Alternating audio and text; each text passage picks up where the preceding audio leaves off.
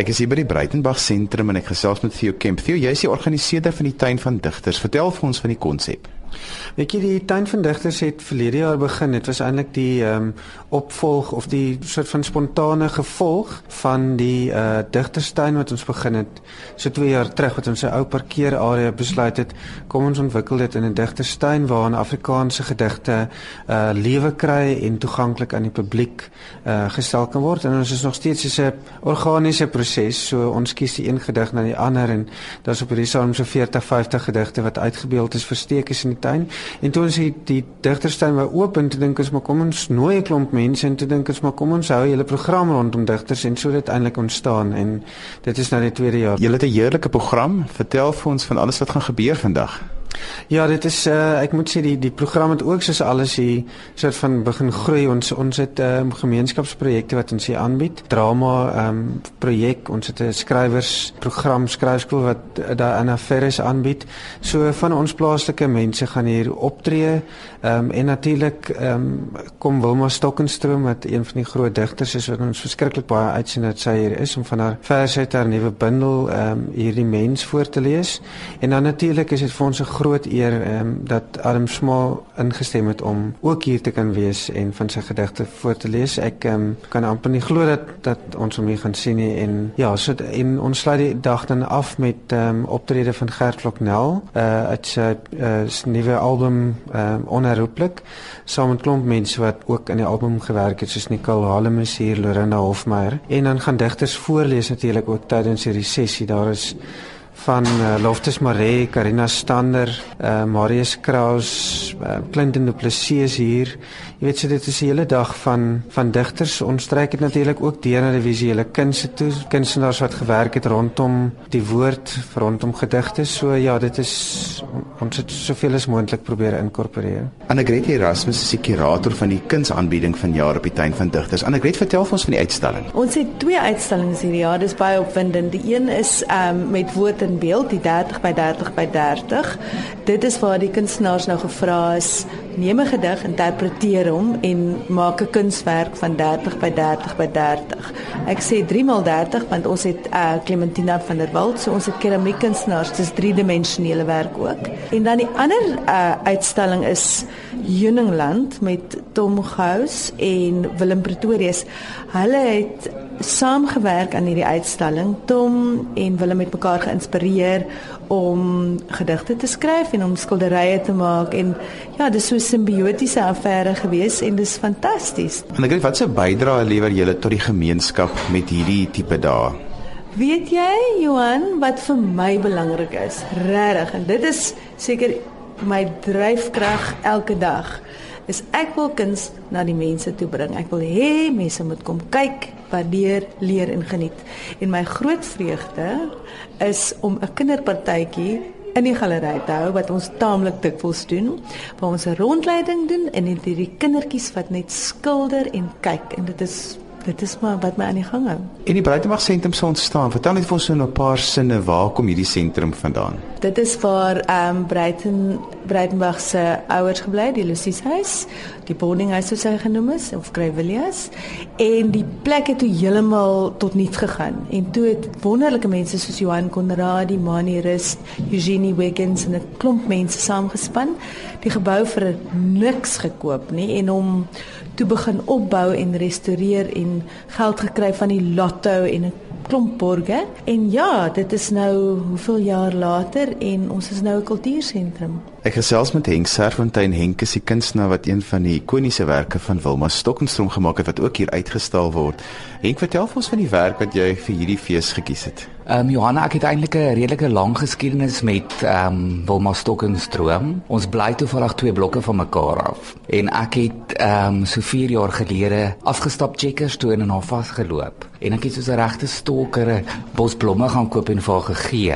En toe omtrent 'n jaar daarna was ek uitgenooi om 'n 'n portret te doen van 'n bekende persoon. En toe het ek besluit om 'n portret van Wilma Stokkenstroom te doen. Mense het na hulle asem gesnak want ek dink dit is wel bekend dat Wilma 'n redelike privaat persoon is en ek het toe deur die regte kanale gegaan wat die uitgewer was en ons het daar genader en sy het ingestem dat ek 'n foto van haar kan neem. En dit was eintlik vir my baie wonderlike ervaring gewees. Sy was baie toeganklik gewees en 'n ideale model gewees. Ek dink wat interessant is, miskien vir my portret is die formaat van dit. Dit is 'n ronde skildery. In renessans terme sal mens dit 'n tondo noem. Ek dink bekende skilders in die renessans soos Botticelli het gebruik gemaak van hierdie formaat. En dit het 'n religieuse kwaliteit die uh, formaat. En ek dink wat die formaat ook doen is 'n sirkel dwing die oog na die middel van die formaat toe. En die idee hoekom ek dit gekies het was ek wou al die aandag vestig op Wilma. Ek het probeer om min van my eie projeksies in die skildery in te sit en ek het um eintlik maar net vertrou op my subjek wat Wilma was en uh, uiteindelik sit ons met 'n skildery wat ehm um, iets van 'n misterie, uh miskien vasvang en ook haar intensiteit. Henk, hier is een van die minwerke waarby daar nie teks is soos by die ander kunswerke nie. Dink jy dit lewer eintlik half kommentaar op die hele Wilma Stokkenstroom? Ek wil amper sê idioom wat hier vandag en en en atmosfeer wat in die lig hang want sy gaan vandag hier kom lees vir die eerste keer in baie jare. Ek dink definitief so. Ek dink dit is ook baie gepas omdat sy juis hierdie jaar haar 80ste ehm um, verjaarsdag vier dat ek hierdie skildery juis by die Breitenberg sentrum tydens die digtersfees uitstal. Hanneke Benadi is ook deel van die tuin van digters. Hanneke, vertel vir ons van jou werk wat jy uitgestal word. Ek het 'n gedig gekies uh, vir die uitstalling van 'n uh, nuwe stem Gerard um, Botma, um, nuwe stemme 5 van 2013. Ehm um, ek ken hom toevallig en hy's 'n uh, ons het 'n uh, korrespondeer en toe het hy vir my die gedigte aangestuur en ek kon kies van die dink 5 of 6. En die gedig wat vir my nogal uitgestaan het was die kortste gedig wat nie 'n lang wat is narratief het nie. En ek hou nogal van daai kompaktheid van 'n gedig.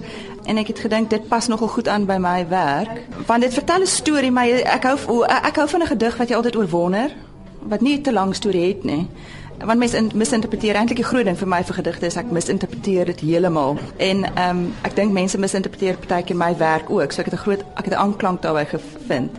En dit vertel nie te veel nie die gedig vertel nie te veel nie dis eintlik net 'n beskrywing 'n emosionele tog emosionele verhaaltjie ehm um, met 'n oop einde. En ek hou van dit 'n oop einde. En toe het ek 'n portret gedoen van 'n vrou vir hierdie uitstalling. Nou Annika, as jy nou gedig lees en jy weet ek gaan nou iets, ek gaan 'n kunswerk moet maak wat hierby pas. Wat 'n proses gaan die kunstenaar deur? Ek het 'n groot arsenaal van fotos. Duisende fotos. Ek neem ek neem sommer vir een kunswerk neem ek seker 300 fotos. So ek het genoeg om van te kies en ek het gewonder wat gaan ek nou doen om hierdie spesifieke gedig te sou dit sê illustreer. En toe ek deur begin, ek net begin om deur al my foto's te gaan wat ek reeds het want ek ek voel ek voel ek moet dit bietjie herwin recycle wat ek het en nie net nuwe goeders gaan uithaal nie. Dit sit klaar daar's 'n biblioteek, het 'n biblioteek van van visuele elemente en visuele uh, um, stimulus wat ek kan gebruik. So ek het toe uit daai 'n foto gekry wat ek ag seker 2 jaar terug geneem het. Wat net dadelik, onmiddellik was dit die werk wat ek wou gebruik. Anneke nou as mens wil hê die kunswerk en die gedig moet tog op die ount ook elkeen op hulle eie voete staan. Ja. Hulle moet kan self regkom. Watter elemente in jou werk maak dit ook op sy eie kan staan sonder die gedig? Dink dit is daai oop einde wat ek van nou. Ek probeer dit elke keer herhaal. Ek probeer nie spesifiek wees nie. Ek ek, ek illustreer niks. Mense dink dis 'n illustrasie van 'n aksie of 'n 'n handeling of 'n ehm um, maar dis eintlik net 'n illustrasie van 'n emosie. Dis soos 'n freeze frame. En ek dink in die gedig was dit ek ek kan my se woord freeze frame gebruik. Dis 'n 'n Apple uh, Apple screenshot. Ehm um, 'n oomblik wat vasgevang is tussen twee mense en dis die vrou se reaksie op die aksie wat net voor dit plaasgevind het. So daar is 'n narratief, maar jy kan nie ek illustreer dit nie. Ek illustreer 'n emosie en ek dink hy het ook 'n emosie geïllustreer in sy gedig. Breiten Breiberg het gesê hy vol, hy volg dieselfde proses as hy verf of as hy skilder en as hy dig. Voel dit vir jou ook so alhoewel jy nie dig nie, voel dit vir jou as jy werk met 'n digter se werk en dan 'n stimulus gebruik vir 'n kunswerk dat jy deur basies dieselfde proses gaan? Ja, ek dink tog jy werk uit 'n uit 'n beginpunt uit, jou staanspoor, jou bron is of jy werk uit jou kop uit of jy werk uit jou hart uit. En ek kan nie uit ek kan nie alleenlik uit my kop uit werk nie. Ek werk uit my kop uit as dit gaan oor die die stilering van die werk. Want die werk is verskriklik gestileerd. Dis dis uh, baie uitgedink, maar die ehm um, inhoud daarvan is totaal hard. En ek dink so 'n goeie balans. Ek dink jy moet beide beide elemente kan vasvang. Ehm um, daar moet 'n bietjie bloed in 'n ding wees. Uh, daar moet bloed in 'n gedig wees en dan moet bloed in 'n in 'n werk wees en ek bedoel ek bedoel daarmee daar moet 'n menslikheid aan wees. Ehm um, wat jy raak sien en ek dink dis die element wat mense herken. Hulle erken 'n element. Hulle erken daai bloed in hulle. En dis wat 'n suksesvolle gedig dink ek maak of 'n suksesvolle kunswerk. En dis eintlik maar beide is min woorde